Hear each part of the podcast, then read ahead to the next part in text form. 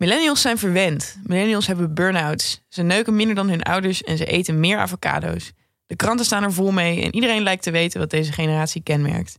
Maar kloppen deze stereotypen wel? En wie kan deze leeftijdsgroep eigenlijk beter onderzoeken dan de millennial zelf? Welkom bij Red de Millennial, een podcast waarin wij, Slot en Bouke uit 1998 en 1997, onze eigen generatie onderzoeken.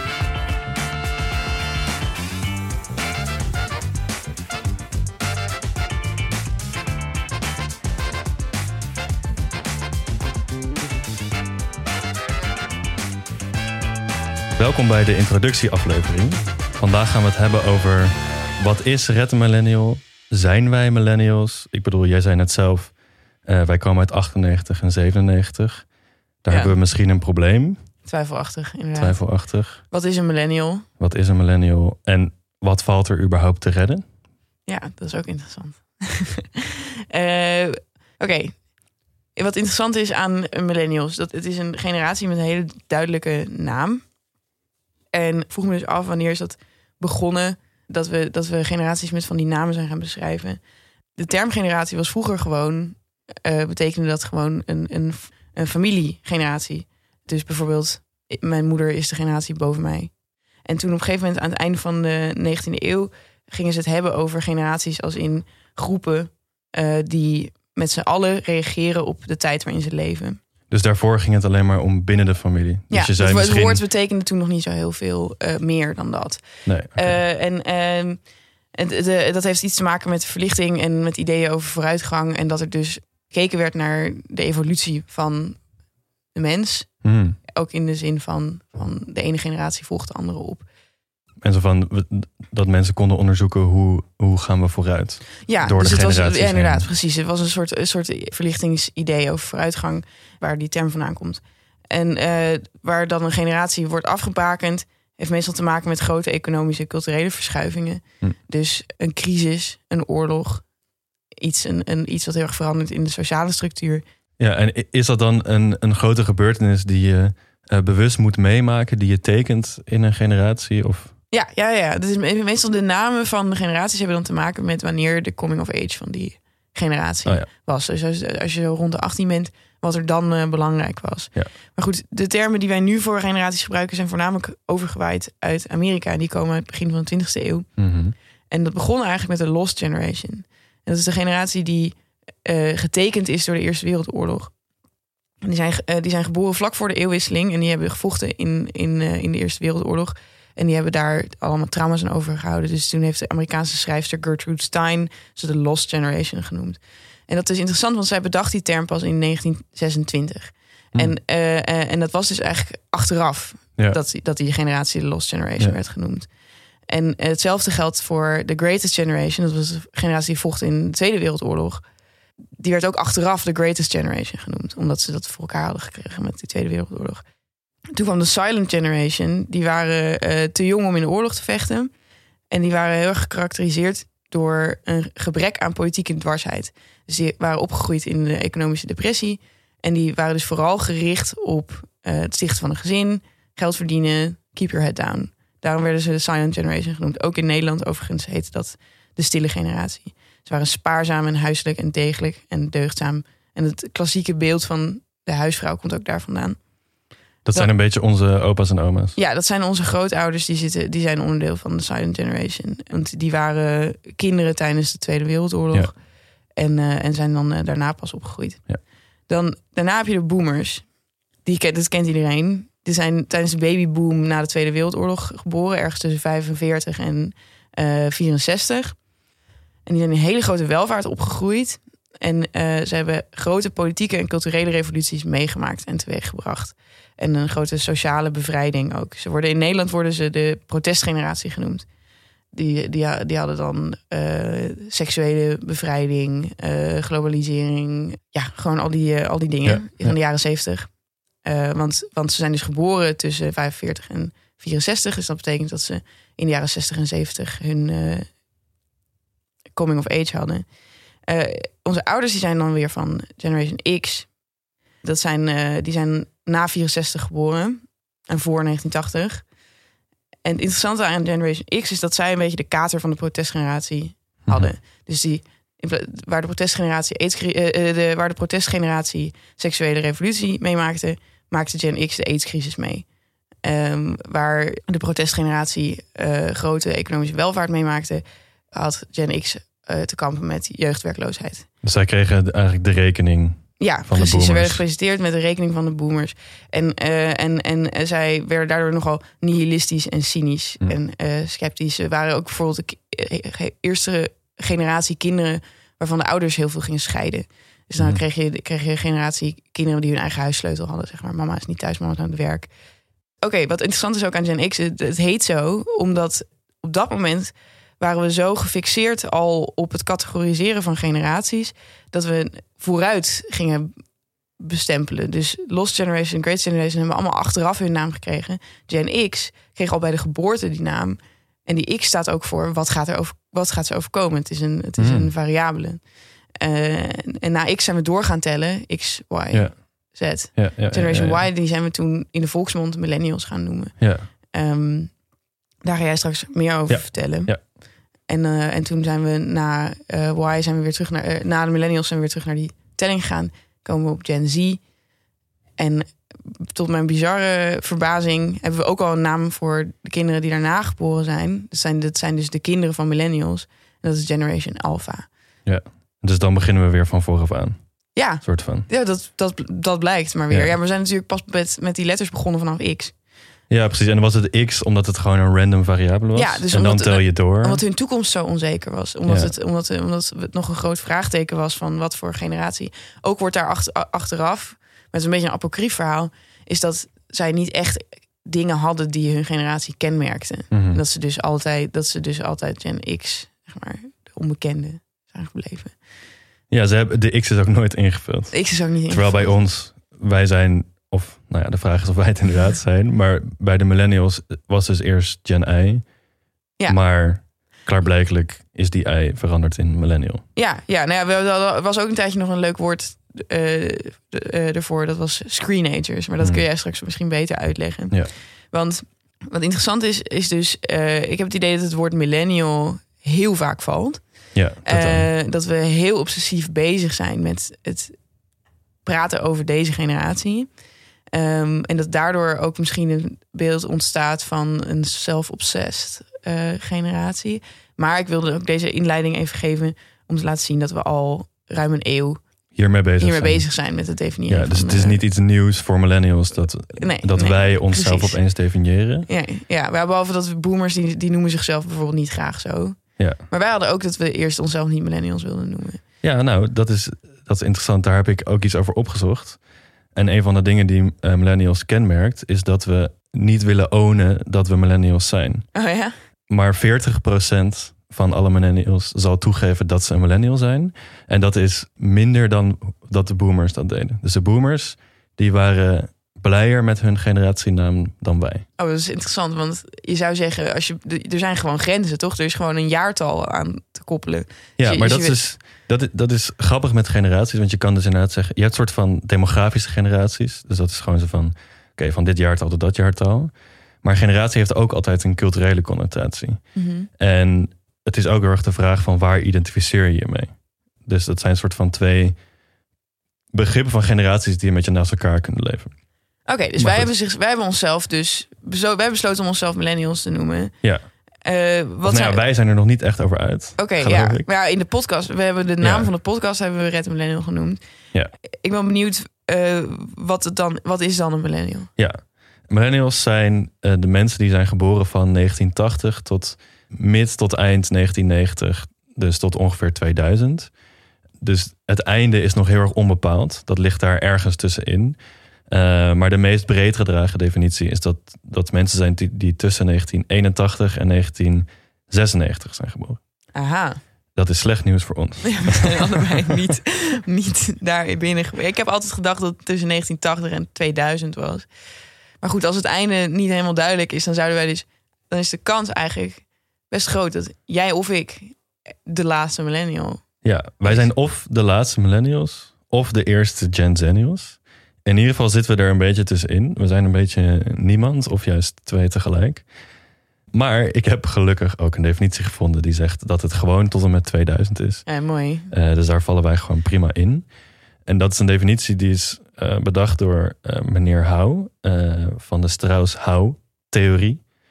En eh, die heeft ook de naam millennial bedacht. Eh, dus dat komt nog beter uit voor ons. Ja, waarom denk je dat ze millennials heten?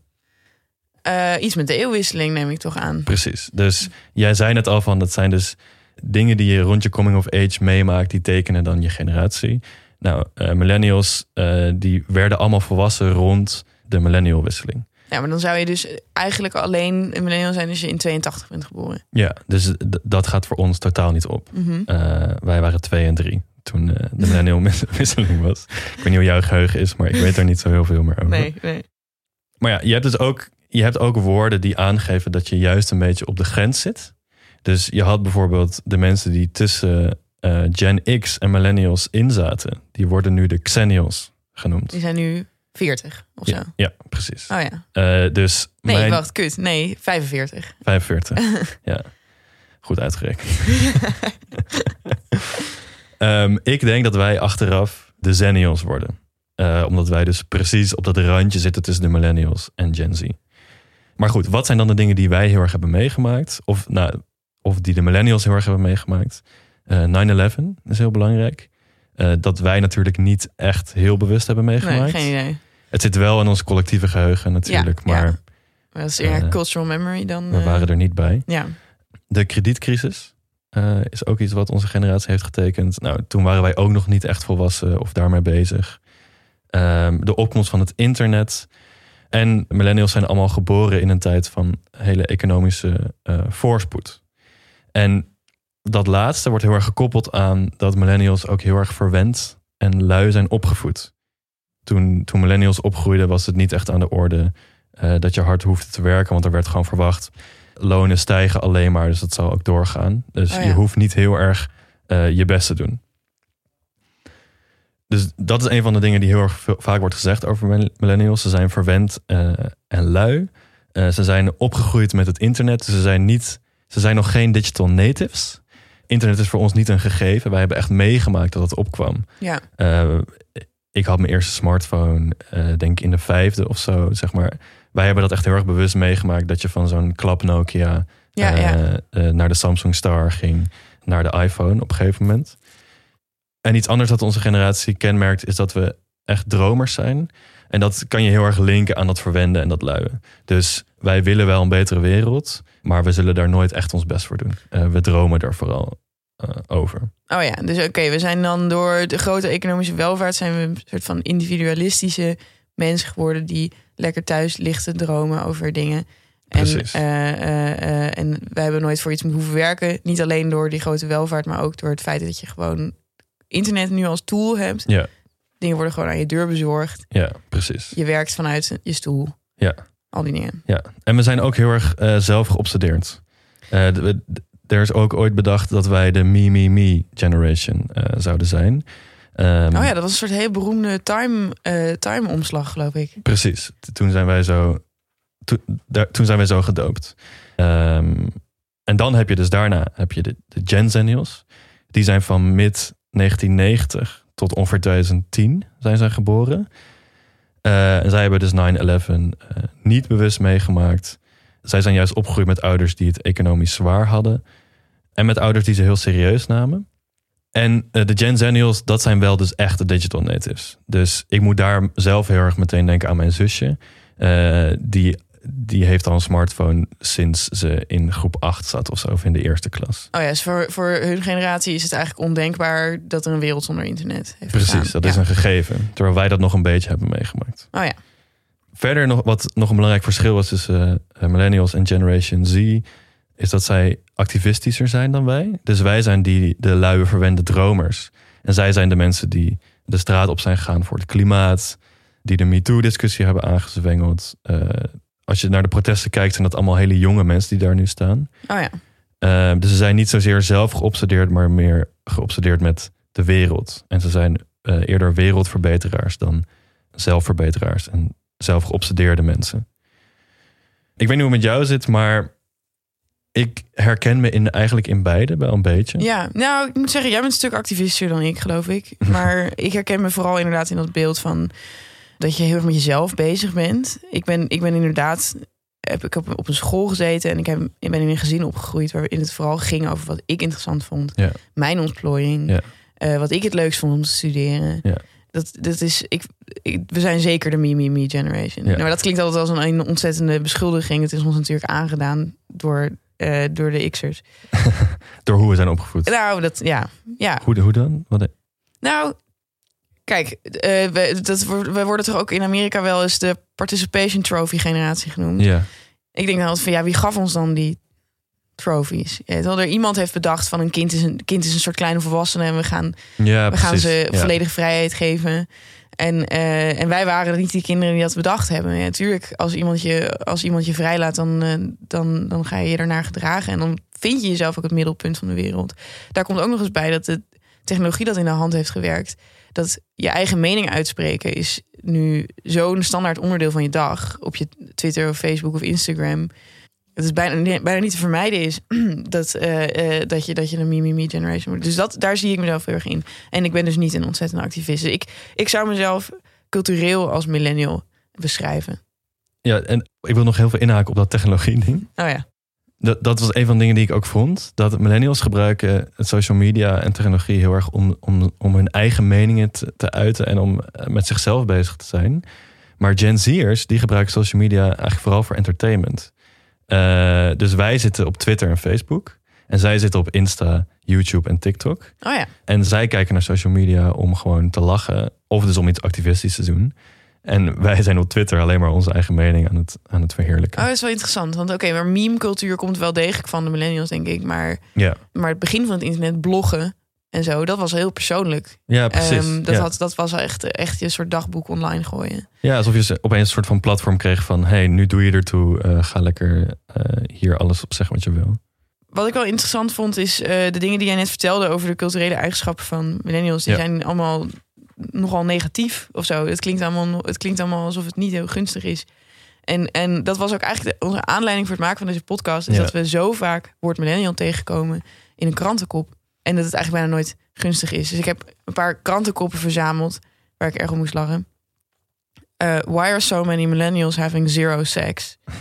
millennials want money, but not hard work. Why are millennials so obsessed with food? Millennials, generatie screwed of kansrijke avocado-generatie? Neologisme van de eeuw. Ehm, millennials, generatie ellende? Vraagteken. millennials, wonderkinderen tussen wal en schip. Jong, kansrijk, gedreven en toch niet tevreden. Dat zijn de dingen die over ons worden gezegd. Ja, gaat niet zo goed met ons. Dit is, nee, dit is echt één, dit is echt 30 seconden op Google krijg je dit. Ja. Het lijkt inderdaad niet zo goed met ons te gaan. Ik denk dat we vandaar ook onze naam van de podcast hebben. Red die Millennial.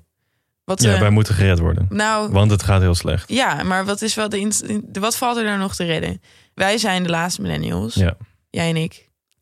Wij doen straks het licht uit. Je wel, wij halen de bezem door door. Het is nu, denk ik, het is aan ons om een terugblik en een evaluatie te maken van onze generatie. Want Ja. heel veel van die dingen die wij gaan bespreken in deze podcast gaan over wat er over ons wordt gedacht en of dat wel waar is. En we zullen vaak tot de conclusie komen, denk ik, dat dat niet zo is. Maar ik denk dat ook een paar dingen zijn die millennials wel zichzelf hebben aangedaan. Ja. En, eh, en daar kunnen wij wel goed een blik op werpen. Omdat die mensen die bij onze generatie horen, zijn o- nu ook 35, 40. En, en die hebben dingen echt wel anders gedaan dan wij. Ik, Ja. denk, dat, ik denk dat de relatie tussen een vroege millennial en een late millennial is, is vergelijkbaar met de generatie. Het, eh, met de band is vergelijkbaar met de band tussen eh, boomers en x'ers. Ja. In die zin dat wij, eh, dat het, zeg maar, het is de ochtend van 1 januari en overal ligt shit. En wij moeten dat daarmee omzien te gaan. Ja, wij zijn een soort schipbreukelingen. Ja, We staan op de laatste avocado-schil in de zee. Om ons heen te kijken. Wat is er gebeurd? Waar Ja. hebben die, in wat voor zee hebben die millennials ons eigenlijk gegooid? ja, nou, wat hebben, ze, wat hebben ze zichzelf aangedaan? Wat is hen aangedaan? Wat wordt er over hen gezegd? En over ons dus. Ik voel me wel echt een millennial. Ja, ik ook. Ja. En, en ik zeg dat niet met heel veel trots, want het is een, een pejoratieve term. Ja. Eh, wordt zelden gewoon gunstig gebruikt. Ja. Maar ik denk dat het dat een stukje zelfkritiek ook niet. Ja, het voelt een beetje kut, maar daarom is het wel goed, denk ik, dat we gaan, we gaan dus gewoon onderzoeken van wat klopt er eigenlijk aan, hoe zit onze generatie in elkaar. En Dus, concreet gaan we dat dus doen door elke aflevering gaan we een vooroordeel oppakken eh, waar het in de media over gaat. Eh, bijvoorbeeld eh, millennials cancelen iedereen, om maar iets te zeggen. Ja, inderdaad. Of, zo, of ze eten heel veel avocado's. Of ze eten heel veel avocado's. En dan gaan we onderzoeken van, ja, wat klopt daar eigenlijk van? Ja, oké. Ik, ehm, ik heb er zin in. We zouden het niet leem doen. Nee, maar het is wel waar. Ik, ik ben wel Ja. benieuwd. Ik ben echt benieuwd. Ik, ik, ik, ehm, nu ik toch besloten heb dat ik een millennial ben, vind ik het wel prima om, om, om, om eens een keer de diepte in te gaan. Ja, en als we het nou hebben over eh, zelfkritiek en een beetje zelfspot. We hebben ook een hele leuke rubriek bedacht. Oh ja. Dat is ons millennial moment van de week. Oh ja. En- Het moment dat je echt een gênante millennial was deze week. Precies. En we dachten misschien is het leuk om deze intro daarmee af te sluiten. Nou, Bouke, wat, eh, wat heb je gedaan? jij, hebt, je, jij hebt mij heel erg warm gemaakt voor, deze, voor dit millennial moment. Ja, ik ben gisteren naar de kapper geweest. Eh, het is jullie klaarblijkelijk niet opgevallen. Want Ik hebben er niks niks zeggen. over Nee, maar jij gaat volgens mij best wel vaak naar de kapper. Ik ga één keer in de twee maanden als naar de kapper. Ik ga helemaal niet vaak naar de kapper. Maar je ziet er altijd heel fresh uit. Dus ik, dus ik wilde niks zeggen. Ja, thanks. Ik weet niet of dit kapsel jullie, eh, jullie aan iemand doet denken. ik, weet, ik weet het niet.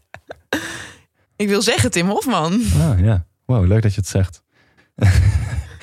Ja, ik was gisteren bij de kapper. En eh, ik moest hem uitleggen wat voor haar ik graag zou willen. Hou op. Heb je een foto van Tim Hofman laten zien? Ik heb eerst de foto van mezelf laten zien. Hoe het de vorige keer was geknipt. Daar was ik best blij mee. En toen dacht ik... Ja, ik wil wel een beetje haar zoals Tim Hofman. En toen heb ik dus tegen hem gezegd... Ken je Tim Hofman? en toen zei hij... Nee, wie is dat? En toen moest ik een foto opzoeken van Tim Hofman. En toen heeft hij die foto bekeken. En toen zei hij... Oké, Dit is Nu echt weet ik verwoestend. Dit is echt heel erg, Bouke. Oh my god. Ja, maar je bent ook wel een beetje... Je bent ook wel een beetje Tim Hofman. Maar dan de Tim Hofman voor fans van Camus. ik kan hier niet Nou, eens... Ik kan Ik er niet aan het tippen. Ik kan niet aan tippen. Ik heb wel, ik heb wel ook iets gênant millennials gedaan deze week. Ik, op het moment besefte ik niet eens hoe gênant het was. Maar ik was een boek van Sartre aan het lezen. En toen heb ik er een foto van gemaakt.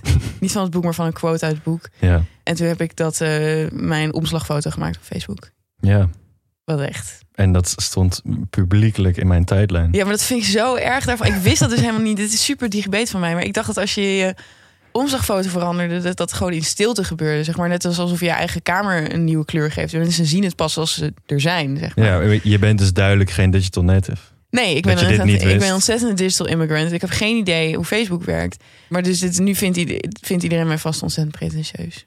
Maar goed, Ja. maak, ik- dus ik maak me vooral heel erg zorgen om hoe het overkomt. Wat ook weer echt ziek millennial is van mij. Ja, Ik, ja eh, wij komen blijkbaar over als eh, jij als Sartre-lover, ik als Camus-lover. ja precies. Ja, Ik als Tim Hofman, jij als ja de, wat was het? De Eva Vlaardingerbroek voor Eva vegans. Vlaardingenbroek voor vegans. Ja.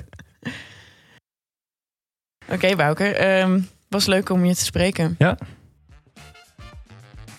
Bedankt voor het luisteren. Ook bedankt aan Red Pers, het journalistieke platform waar wij voor werken. Dag en Nacht Media en onze producers Suzanne Moeilijker.